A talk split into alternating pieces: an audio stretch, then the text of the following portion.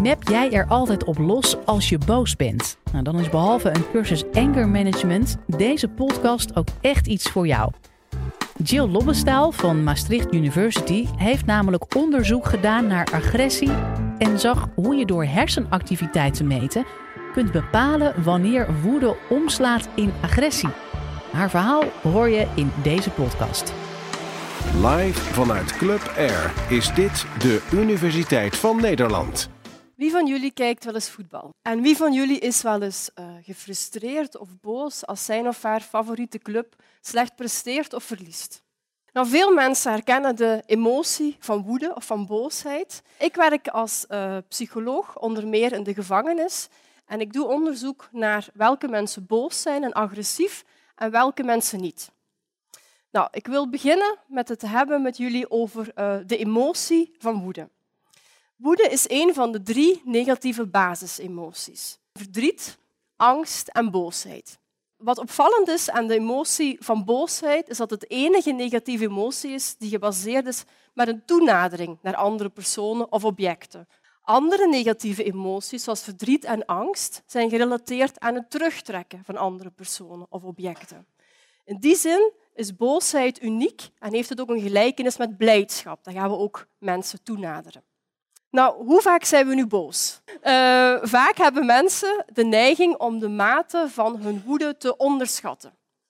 We hebben dat bijvoorbeeld onderzocht uh, door middel van dagboekstudies. Daar wordt mensen verschillende keren per dag gevraagd om de emotie aan te geven op een zakcomputer die zij op dat moment ervaren. En daaruit blijkt dus dat uh, mensen het vaakst boosheid ervaren na de emotie van blijdschap. Het is dus de meest voorkomende negatieve basisemotie. Hoe komt het nu dat wij, niet jullie, maar men in het algemeen geneigd is om de mate van woede te onderschatten? Wel, daar zijn eigenlijk twee grote redenen voor. De eerste is dat boosheid een emotie is die maatschappelijk nogal onaanvaard is. We zijn al verder in onze maatschappij om onze kwetsbaarheid te erkennen, ons verdriet te uiten bijvoorbeeld. Maar met boosheid zijn we nog lang niet zo ver. En boosheid behoort zelfs tot een van de zeven hoofdzondes. Dat maakt dat we erg geneigd zijn om de mate van onze boosheid te ontkennen en te minimaliseren. De tweede reden waarom boosheid vaak onderschat wordt, is dat boosheid vaak vervuild is. Meestal is het zo dat boosheid samen voorkomt met andere emoties. En dat is meer het geval dan bij andere emoties. Denk maar uh, terug aan een situatie in het verleden waarin jullie boos waren, dan waren jullie wellicht waarschijnlijk ook vaak tegelijkertijd angstig of beschaamd of verdrietig. Het feit dat boosheid zo zelden puur voorkomt, maakt dat het veel moeilijker is om onze boosheid goed te erkennen. En ook dat is een reden die tot onderschatting lijkt. We kunnen dus stellen dat woede een complexe emotie is. En dat is waarschijnlijk ook een van de redenen waarom er minder onderzoek wordt gedaan naar woede dan bijvoorbeeld naar verdriet en naar angst. Het is bijvoorbeeld ook heel moeilijk om mensen in een laboratorium boos te maken. Is dat een probleem dat er zo weinig onderzoek gebeurt naar woede?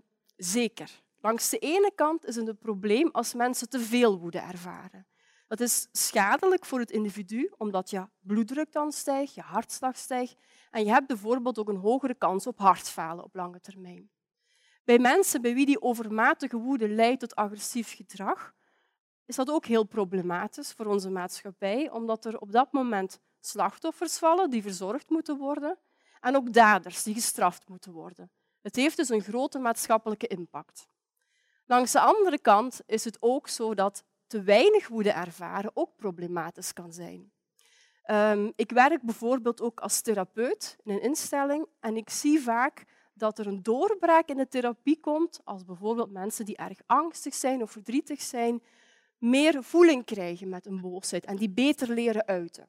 Dus zowel te veel als te weinig woede is een probleem. Ik wil met jullie graag de vraag bespreken wat mensen boos maakt. Dat is belangrijk omdat wij in ons onderzoek ook in het laboratorium mensen boos willen maken.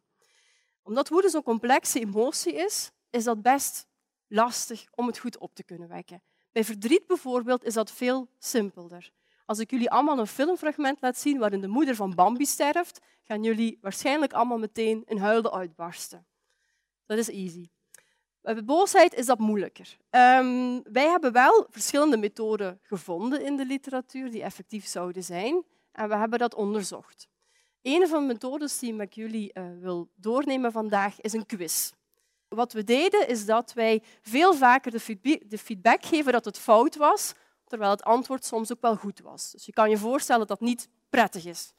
Wat we dan deden, om het nog erger te maken, is dat we negatieve feedback gaven aan de proefpersoon terwijl ze deze taak deden. Dat was dus de eerste methode, de quiz. De tweede methode waarvan wij de effectiviteit onderzochten, was een interview. En daarbij vroegen we aan mensen of zij wouden vertellen over een situatie in het verleden waarin ze erg boos waren geweest. Uh, dan vertelde iemand bijvoorbeeld over een ruzie die ze hadden met de buurman. We gingen dan heel specifieke vragen stellen. Zo van, nou, wat zei hij? Wat zei jij toen? Wat gebeurde er? Waar stonden jullie? Wat had je willen doen? Wat dacht je? Het idee daarachter is dat wij die emotie van woede weer gingen opwekken. Het weer herbeleven. Nou, wat bleek nu? Beide methoden, zowel de quiz als het interview, waren effectief. Ze wekten effectief boosheid op. Hoe weten we dat? Uh, langs de ene kant wisten we dat omdat mensen aangaven dat ze veel bozer waren na die quiz en het interview dan voordien. En de andere manier uh, waaruit dat bleek, was dat een lichamelijke response verhoogde. Dus een hartslag steeg, een bloeddruk steeg. Um, dus ze werkte. Nou, dit onderzoek hadden we gedaan bij gezonde mensen. We wilden dit onderzoek herhalen bij mensen die overmatig veel last hebben van boosheid. Nou, waar zouden we die mensen kunnen vinden? Precies, in de gevangenis. Daar gingen we naartoe. Uh, we testen daar een specifieke groep van patiënten, namelijk degene met een antisociale persoonlijkheidsstoornis. En we vergeleken hun reacties met dat van gezonde mensen en dat van andere patiëntcontrolegroepen. Je kan je dus misschien wel voorstellen dat ik blij was met het resultaat uit onze eerste studie, dat het interview net zo effectief was als die quiz, dat ik niet degene was die die gevangenen moest gaan jennen. Wat gebeurde er na het interview? Alle proefpersonen gaven aan dat zij zich veel bozer voelden na het interview, zoals ook in die eerdere studie. Bij de lichamelijke reacties zagen we een heel apart patroon. De meeste proefpersonen gaven aan, uh, uh, vertoonden een stijging in bloeddruk en hartgeleiding, huidgeleiding. Uh, mensen met de antisociale persoonlijkheidsstoornissen vertoonden geen stijging in lichamelijke reacties. Zij bleven dus lichamelijk koel. We kunnen dus spreken van een soort van koele woede. Oké, we hebben het gehad over de emotie van woede, dat het onderschat wordt, vaak voorkomt en wat mensen boos maakt. Ik wil het nu met jullie hebben over de relatie tussen woede en agressie, het gedrag. Om te beginnen um, is mijn idee dat heel veel mensen die relatie overschatten. Als wij iemand zien die erg boos is, worden we snel bang, want we denken, god, die gaat me vast aanvallen. In de praktijk blijkt het zo te zijn dat slechts in 10% van de gevallen woede ook echt resulteert in agressie. Um, daar zijn twee redenen voor waarom woede niet meteen leidt tot agressie. En deze zijn onderbouwd met onderzoek en die wil ik graag aan jullie voorleggen. De eerste reden is dat blijkt dat niet zozeer de huidige emotie van iemand, maar de verwachte, de verwachte emotie ons gedrag voorspelt. Dus het is niet dat ik nu boos ben dat me agressief maakt, maar ik ga agressief worden als ik denk dat ik me daarna opgelucht ga voelen. Dus in het geval dat we denken dat agressie ons gevoel gaat herstellen. De tweede reden waarom boosheid niet meteen leidt tot agressie, is dat er een soort van poortwachter tussen zit die dat tegenhoudt. En dat is een sterke mate van zelfcontrole. De meeste mensen hebben voldoende zelfcontrole om ervoor te zorgen dat de woede niet resulteert in agressie. Als we het dan hebben over agressie, welke soorten agressie zijn er dan? De meeste van jullie zouden zeggen verbale agressie of fysieke agressie. Maar ik stel in mijn onderzoek dat het belangrijk is om naar de motivatie van agressie te kijken, naar de drive. Wat maakt mensen nu boos? En er zijn twee soorten agressie te onderscheiden. De eerste is reactieve agressie. En dat wordt ingesteld als mensen een bepaalde bedreiging in hun omgeving detecteren en ze die bedreiging weg willen. Dat gedrag stellen ze heel impulsief in. En uh, mensen stellen proactieve agressie in omdat zij een bepaald doel willen bereiken. Bijvoorbeeld meer geld hebben, meer macht of meer aanzien. Um, hoe kunnen we nu voorspellen wie er agressief wordt? Dat is een belangrijke vraag om antwoord op te krijgen, bijvoorbeeld om goed te weten hoe we preventie kunnen instellen, maar ook om beter te kunnen inschatten welke TBS-patiënt er wel of niet op verlof mag. Ook in deze lijn van studies die ik doe, merk ik telkens weer dat het belangrijk is om het onderscheid te maken tussen die reactieve en die proactieve vorm van agressie. Zo vonden we namelijk dat specifiek mensen met hoge mate van reactieve agressie geneigd zijn om bepaalde denkfouten te maken. We, we maten dat op een hele simpele manier. We legden hun bijvoorbeeld een beschrijving voor van een situatie die nogal vaag was, zoals deze. Je bent in een kroeg en iemand stoot tegen je aan. We vroegen dan wat de mogelijke reden zou kunnen zijn dat die persoon dat doet. We gaven vier antwoordopties en we vroegen de deelnemers om de waarschijnlijkheid van deze responsen in te schatten. We zien dan bijvoorbeeld, het was toevallig, de man voelde zich onwel en verloor zijn evenwicht. Um, hij wilde een gevecht uitlokken of hij struikelde over zijn voeten terwijl hij jou begroette. Nu weet ik niet wat jullie eerste interpretatie zou zijn, maar wat wij dus vonden is dat die mensen die veel reactieve agressie vertoonden, vaak de derde optie kozen.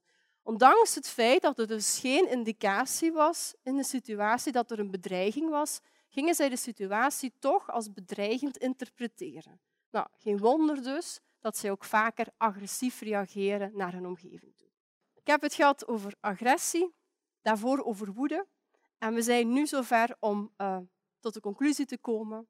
De antwoord op de eindvraag, wanneer leidt woede ook echt tot agressie? Wel, ik stel dat, hoewel we onderschatten hoe vaak wij of andere mensen boos zijn, wij de relatie tussen woede en agressie overschatten.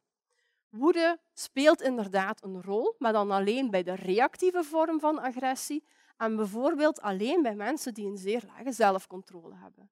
In het algemeen kunnen we dus besluiten dat onze angst voor woede onterecht is. Het zou zelfs zo zijn dat veel mensen er baat bij hebben om wat meer contact met hun woede te hebben en dat wat vaker te tonen.